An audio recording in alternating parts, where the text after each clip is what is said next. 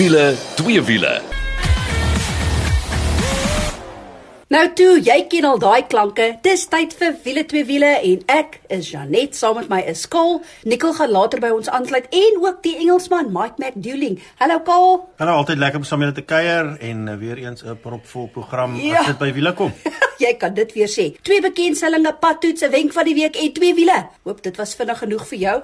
Maar kom ons spring sommer weg met die eerste bekendstelling. Om die waarheid te sê, dit was twee en dit was ek wat die fantastiese bioniese voorreg gehad het om by Porsche se 911 GTS bekendstelling te wees, maar ook hulle nuwe Macan reeks. So vandag sal ek jou 'n bietjie vertel van die Macan reeks, maar voor ek dit doen, het ek reeds toe ons gestop het vir middagete by Ou Mule daar op die Toyskloof gou vir Toby Venter nader getrek. Hy's natuurlik die hoofuitvoerende beampte van Porsche Suid-Afrika en ook vir Lamborghini Suid-Afrika en ek wil sommer net gou by hom 'n paar dinge hoor. Kom ons luister gou. So, lunch stop after experience the Macan GTS. Man, what an awesome car. But I would like to know, Toby, what's been happening in the life of Toby Fenton the last year? Well, we've had a fantastic year so far. Uh, you know, we had a post-COVID boom, and pre-COVID, we had an opportunity to re- relook at all the uh, divisions of the businesses and uh, tweak them, upgrade them, fine-tune them. And uh, I must say that uh, this year, our biggest problem at the moment is getting enough stock from, from the Porsche, Bentley, and Lamborghini factories. We have a good business model going ahead for Kailami. The nine-hour looks like it's going to happen on the 4th of December. So we're going ahead with the planning for that.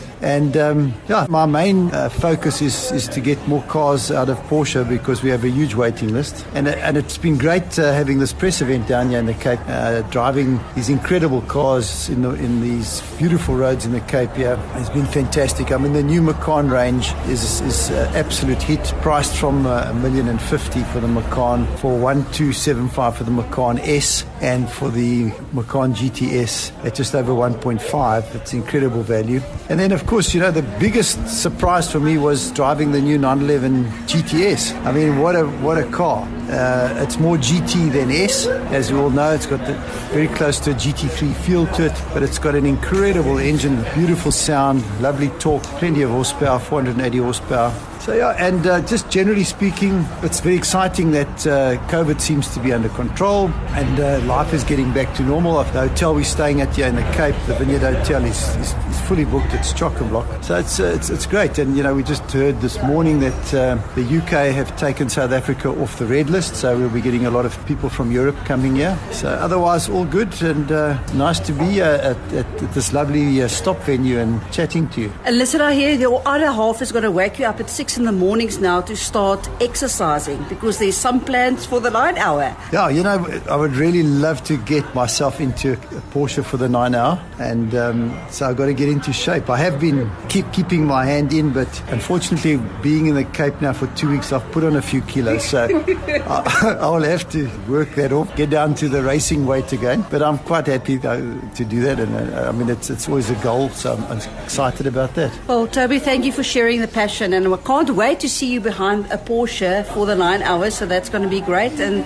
thanks. Thank you, nice chatting. All the best. So daar het jy dit nou, jy hoor dit van Toby af, regtig baie opgewonde oor die Porsche 911 GTS, maar daarvan gaan ek jou volgende week vertel, maar net vinnig om vir jou te vertel van daai Porsche Macan. Weet al, ek weet nie of jy saamstem nie, maar toe van hierdie sportmotorvervaardigers gekom het met sportnutse. Dis nou jare terug het ek gedink, uh ja, ek bedoel Porsche het gekom met die Cayenne en Alfa met hulle Stelvio en Lamborghini met hulle Urus en ek moet sê die Macan het nou nie heeltemal my hart snare geroer nie, maar glad nie meer die geval nie. Ouens, spits julle ore vir die nuwe Macan. Ag, oh, hy lyk pragtig. Gaan kyk net bietjie op ons Facebook bladsy, dis wiele twee wiele, dan gaan jy sien hoe lyk hy, want dis regtig 'n pragtige mooi kar. En die goeie nuus is nou die hele Macan reeks kom nou saam met daai 7 spoed PDK dubbelkoppelaar radkas en ons twee engines variante om van te kies. Nou die een is die 2 liter engine, dis 'n 4-silinder turbo petrol van 195 kW en 400 Nm wringkrag. Dan kry jy die Macan S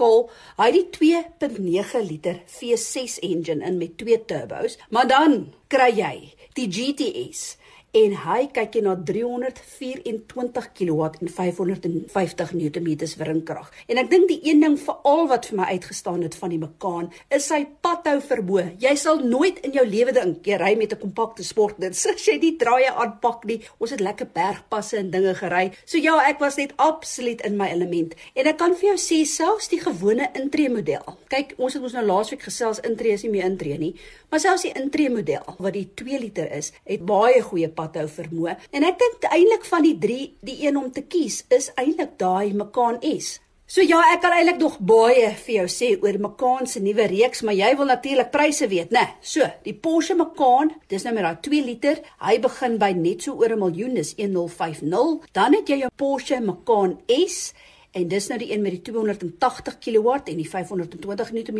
wringkrag. Hy so 1.271 miljoen en dan daai Porsche Macan GTS wat vir jou gaan gee 324 kW 550 Newtons en vir hom gaan jy betaal 1.5. Die binneruim is tipies Porsche, hoë kwaliteit. Doen jouself net 'n guns, gaan loer. Hoe lyk Porsche se nuwe Macan reeks? Maar so net dan was daar nog 'n bekendstelling wat uh, soos jy altyd sê die Engelsman, maar Mike McDouling vir ons bygewoon het en dit was BMW se X3. Dis reg en hulle verwys na hom as 'n sport activity vehicle en nie 'n sportnuts nie. So ja, kom ons gaan hoor wat sê Mike. Hallo Mike, lekker om weer met jou te gesels en jy het natuurlik die bekendstelling bygewoon van BMW se X3. But Mike, tell us what is happening to the X3. Hallo almal, weer eens wat 'n voorreg om weer saam julle te kuier. Ek geniet hierdie kuiertjies van ons verskriklik baie. So, got invited to the new X3 launch BMW. Uh, it's a completely new look, new equipment, optimized range structures. BMW has given their customers a very refreshed update to a very popular and iconic sports activity vehicle. I must say this is a sports activity vehicle, not an SUV. So this is the third generation uh, vehicle and one of the brand's biggest sellers. And the beauty about this one is it's made in our own backyard. Roslyn Pretoria. The range has been refreshed and a lot of non-standard equipment is now fitted standard to all the cars. Well, Mike, everybody's talking about that new grill. What's your take on it and how do you feel about it? I tell you, uh, we chatted briefly about two or three weeks ago about the M3, M4 competition with that big bad grill that they had. Some people loved it, some people um, hated it, um, all there for the airflow. But this new edition, um, X3 now, changed the grill again. But now this is a beautifully sculptured piece of, of grill joined together. It's a one piece now, joined together by the ICAM. Actually, the ICAM is there for various reasons adaptive speed control, um, braking, parking monitors and, and driving sensors. So in my books, welcome edition. It really fits the car well. It just elevates it into that sort of luxury look. So my books gets the thumbs up. Well done. Now the upgrades are mainly to the inside and the outside. So just give us a brief summary. The upgrades are interior and exterior. I'll start with the exterior. A brand new front grille and bumper. It's been revised with sleeker, flatter headlights. A very good looking vehicle. The rear uh, car now has three-dimensional taillights, which actually stand out. You can actually put your hand inside them, and from the back, it really looks elegant and so good looking. It's got a full wraparound indicator, a black wraparound bumpers. It looks newer, it's sportier, and all of them now have twin tailpipes just to finish off a very good looking car. Interior, quality BMW. I, I couldn't find fault with one little piece. It boasts a 23 inch instrument digital platform with the norm CarPlay and Android functions on demand. This for me, because um, I, I battle with, with some of the tech and some of the cars, but this for me, the BMW was so easy to handle and control and to change settings and see what the car's doing underneath you. It really performed very well. Obviously, one of the most important things is the uh, driving experience. Give us your thoughts on that. Driving experience on this car, we had um, unfortunately a little bit of a challenge. We were driving on a very small uh, back road outside the back of Sun City when a farmer pulled out um, he was driving in the lane and he, he was had a cigarette in one hand and his cell phone in the other hand and crossed the lane and we had to duck and dive and two wheels on the tar, two wheels on the sand at relatively high speed. The car didn't even flinch. It just settled down. You can see that the wheels uh, on the tar were, were gripping and it was looking after the guys on the sand. And I tell you, steering wheel didn't move. It's an absolute, absolute dream to drive. Mike, but important, who's the competition for the BMW X3? Competition, Audi Q5, definitely, Merc GLC, Volvo XC60, and Porsche Macan, uh, I believe, is also in this race. So if you line these cars up, it would be very difficult for me to choose. Definitely a personal choice of, of what you like to look at because they are all so awesomely spec and packed, and, and drivability is absolutely off the hook. And then last but not least, I think in this day and age, Mike, what is the range like of these cars? So range consists of uh, 1.8D S drive. Um, I'll give you the prices as well. It, it's 895, 655. A 2 liter I at 939,000 rand. This is 135 kilowatt and 300 newton meters vehicle. Then you get the 2 liter diesel, which we drove, 140 kilowatts, 400 newton meters. It is extremely quiet, blissful to drive. That comes in at 997,000 the 3D Sport at 1.2764, and then the M40i, which I drove probably about 300 kilometers as well. It boasts an impressive 265 kilowatts and 500 newton meters. This is such an impressive machine with loads of character and fun. Price is at 1.415, 042 million. Uh, driving this car, you need to be in the zone because when you get in it, you just feel something special about this car. Your spatial awareness comes into it. You're understanding that you're going to have incredible fun uh, and it holds with this twin scroll turbo engines it really goes there's a bigger brother coming soon which is going to be the m sport i'm not sure what spec that's going to be but i tell you now that i think there's going to be some fun happening in this department in closing the diesel the two liter diesel i drove for me is the pick of the bunch silent, powerful, frugal, 16 liters of fuel. We did about 250 Ks at a very spirited rate. So, yeah, really good. And the bigger brother,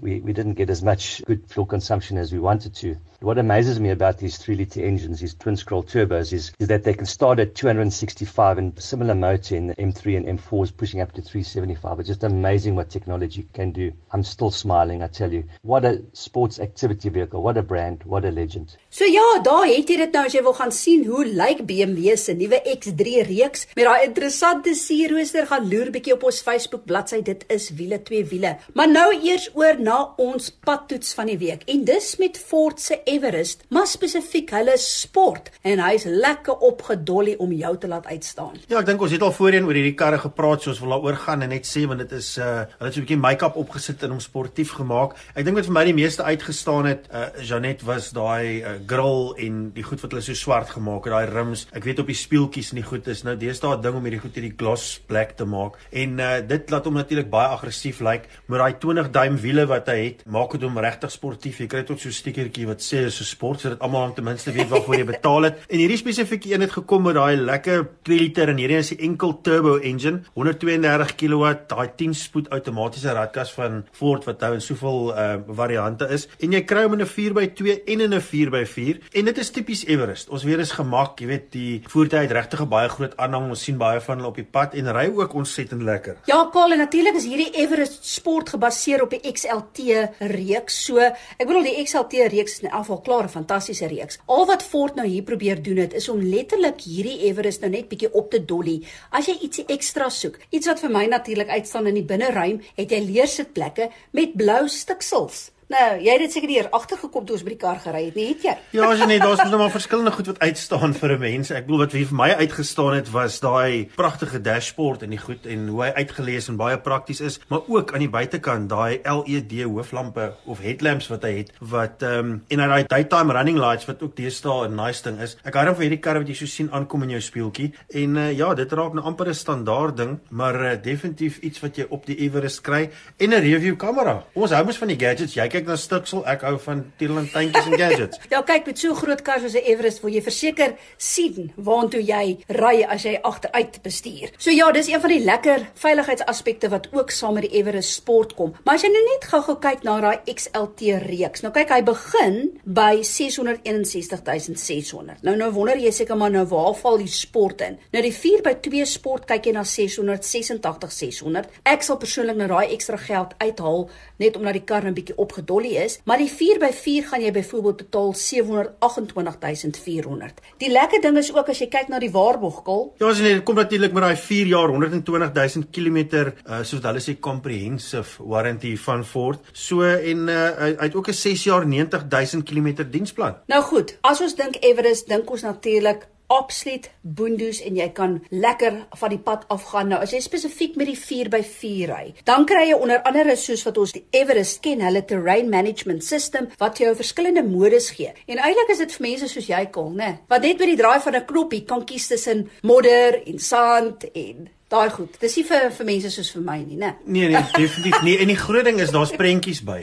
Ek dink dis die dis die belangrike ding is die feit dat daar prentjies en goed by is. En net om hier af te sluit as jy nou wonder waaroor praat ons? Ons praat oor Ford se Everest Sport wat basies opgedolly is. Hy's deel van die XLT reeks en ag man, een ding wat net vir my fantasties is is dis minder krom en meer swart. En Kaal weet, ag, ek is mal oor swart. So dis wat Ford se Everest Sport betref. Ons gaan gou-gou eers bietjie asem skep en dan ons terug met 'n lekker wenk van die week en ook twee wiele. Ja, en as jy 'n vlekvrye stal uitlaatstelsel soek al uh, as jy hom wil stilhou of as jy 'n bietjie weer jou kar moet praat, moet jy definitief 'n draai gemaak by Powerflow Belwel. Hulle kyk na alles wat jy nodig het. En uh, weet jy wat? Dis nie net 'n jaar waarog nie dis sommer 5 jaar. So 'n uh, verbeter werkverrigting brandstofverbruik en al Belflow Belwel dis die plek vir jou. En is so maklik soos www.belflowbelwel.co.za as jy nou net ingeskakel het dit is wiele twee wiele saam met my Janet saam met my is Skaal en dan gaan Nikkel ook nou by ons aansluit vir die wenk van die week. Hallo meneer. Nou kyk ek is nou bly Nikkel is die slim een van die drie van ons. Hy is after all 'n ingenieur. Maar vertel net vir ons waaroor gaan hierdie week se wenk van die week? Ek wil 'n bietjie praat oor die toetse wat op voertuie gedoen word voor dit vrygestel word aan die publiek. Nuwe voertuie dan nou rakende klimaatstoestand toetse. So dis al die toetse wat ingenieurs doen as dit kom by 'n uh, warm klimaat, koue klimaat, hoogte bo seevlak en hoe dit die voertuig dan nou affekteer. En ek gaan 'n bietjie praat oor die agtergrond toe ek by Ford in Engeland gewerk het omdat ek het natuurlik al hierdie klimaatstoestand toetse bygewoon. Dikkel, die eerste vraag wat ek by jou wil hoor, wat is die spesifikasies dan van hierdie temperature en die hoogte bo seevlak waaraan nuwe voertuie dan moet voldoen? So toe net ek was bevoorreg om te werk by Ford in Engeland en natuurlik natuurlik toe ek al hierdie toetse meegemaak het, kon ek gesien het wat se spesifikasies hierdie voertuig moet voldoen aan. En ehm um, die spesifikasies is baie dieselfde vir menigte vervaardigers, so nie net Ford nie, maar dit is baie interessant as ons kyk na jou algemene passasiersvoertuig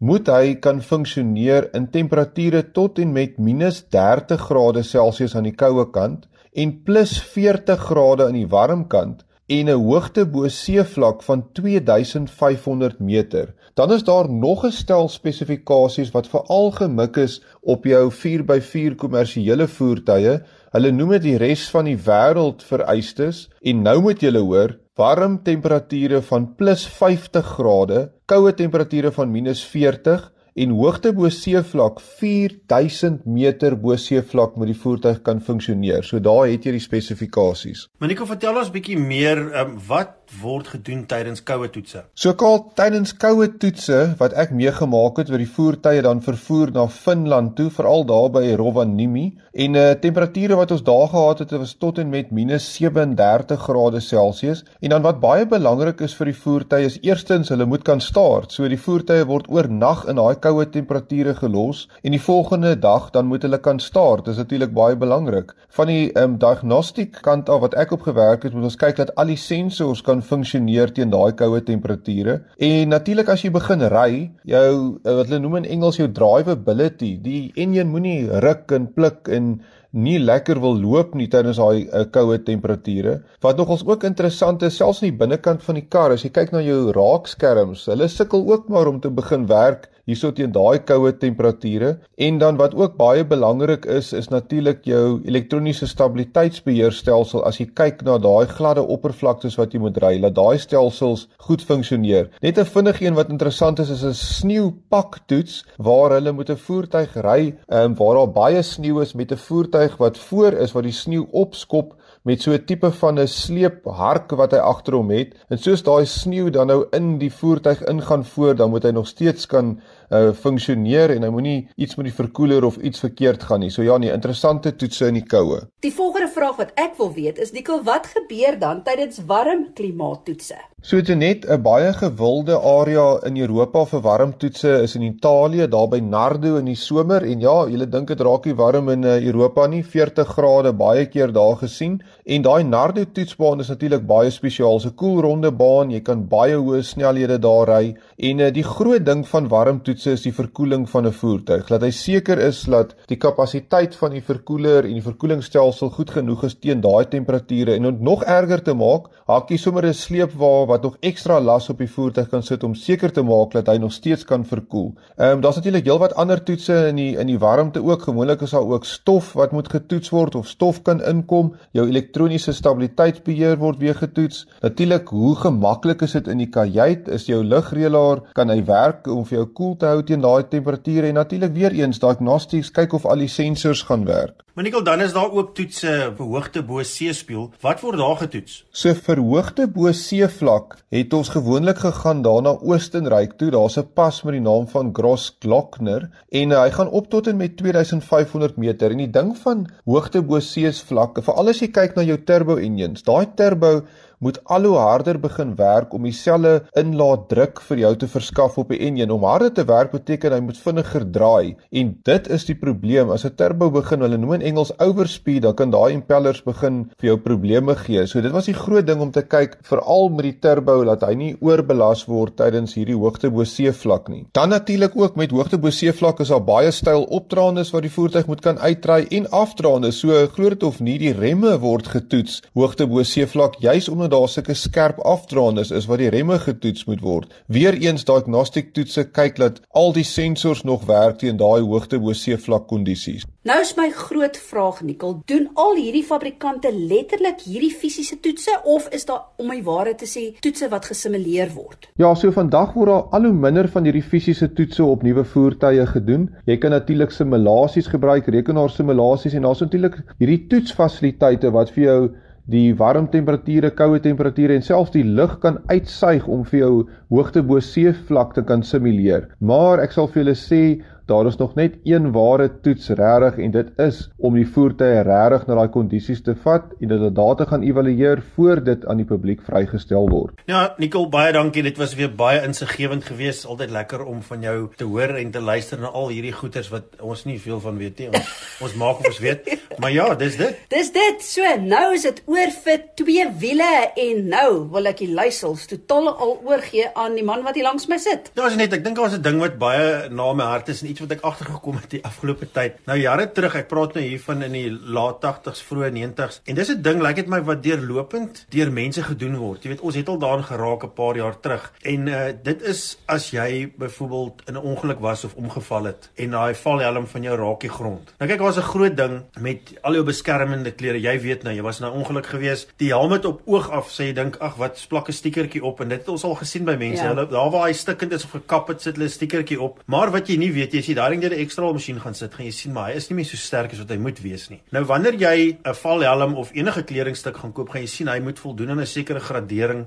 vir alles wat van Europa afkom. Hier by ons het ons altyd die Suid-Afrikaanse Buro van Standaarde ding. Ek weet jy of jy daai tekentjies onthou wat yes, so op die vensters was nie, maar hulle het dot graderings en allerlei sulke goed wat ou altyd na moet kyk. En dis hoekom ek wil sê, jy weet 'n mens moet jou huiswerk baie goed doen. Nou in jou geval het jou stewel seer gekry, die baadjie het seer gekry, die valhelm het seer gekry, die handskoene het seer gekry en nou is die groot ding begin jy nou maar 'n bietjie rondshop vir ordentlike klere. ja. Nou uh en dit is waarby ek wil kom, is dat klere is glad nie meer so goedkoop as wat jy gedink het. En daarom is dit nodig vir jou as jy as jy wil gaan koop, gaan doen jou navorsing. Kies 'n paar name, kyk wat hulle graderings is. Weet ons praat altyd van karre, dan praat ons goed van soos weet die N-cap hierdie en die N-cap daai. En in karre weet ons almal nou al waaroor dit gaan. Ek dink destyds het Renault begin in ons land en baie groot daaroor gepraat omdat hulle baie keer 5 sterre gekry het vir hulle voertuie gesê dis van die veiligste voertuie op die pad en soos Volvo. Maar wanneer dit kom by jou motorfiets, onthou, jy's baie meer blootgestel aan enige elemente en aan enige iets. As jy raak gery word, dis nie die kar wat rol nie, jy rol. Nee, dis 'n feit. En daar het ek eerstehandse ondervinding. En kol, ek kan vir jou sê, ek het nou weggestap met gebreekte ribbes en ek moes steke kry en later moes hulle hematoom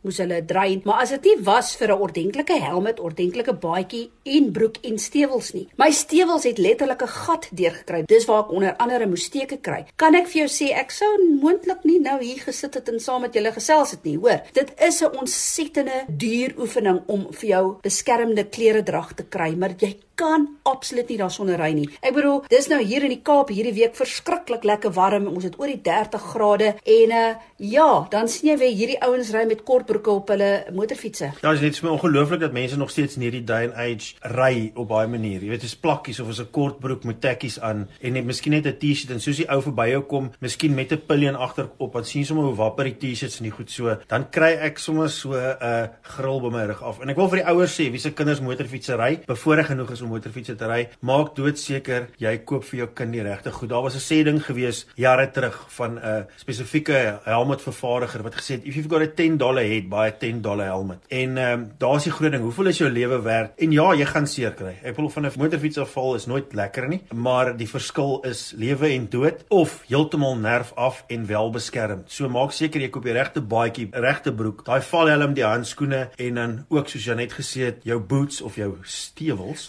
Jy stewels het dink ek aan die gestewelde kat. So ehm um, ek dink dis net ietsie van ons kant af. Regtig julle eerstehands al ondervinding gehad met val en al daai tipe goed. Maak seker jy het die regte beskermende klere. Nou toe, dit is wat wiele twee wiele betref vir hierdie week. Dankie dat jy saam met ons gekuier het, maar tot volgende week toe. Hou daai wiele aan die rol.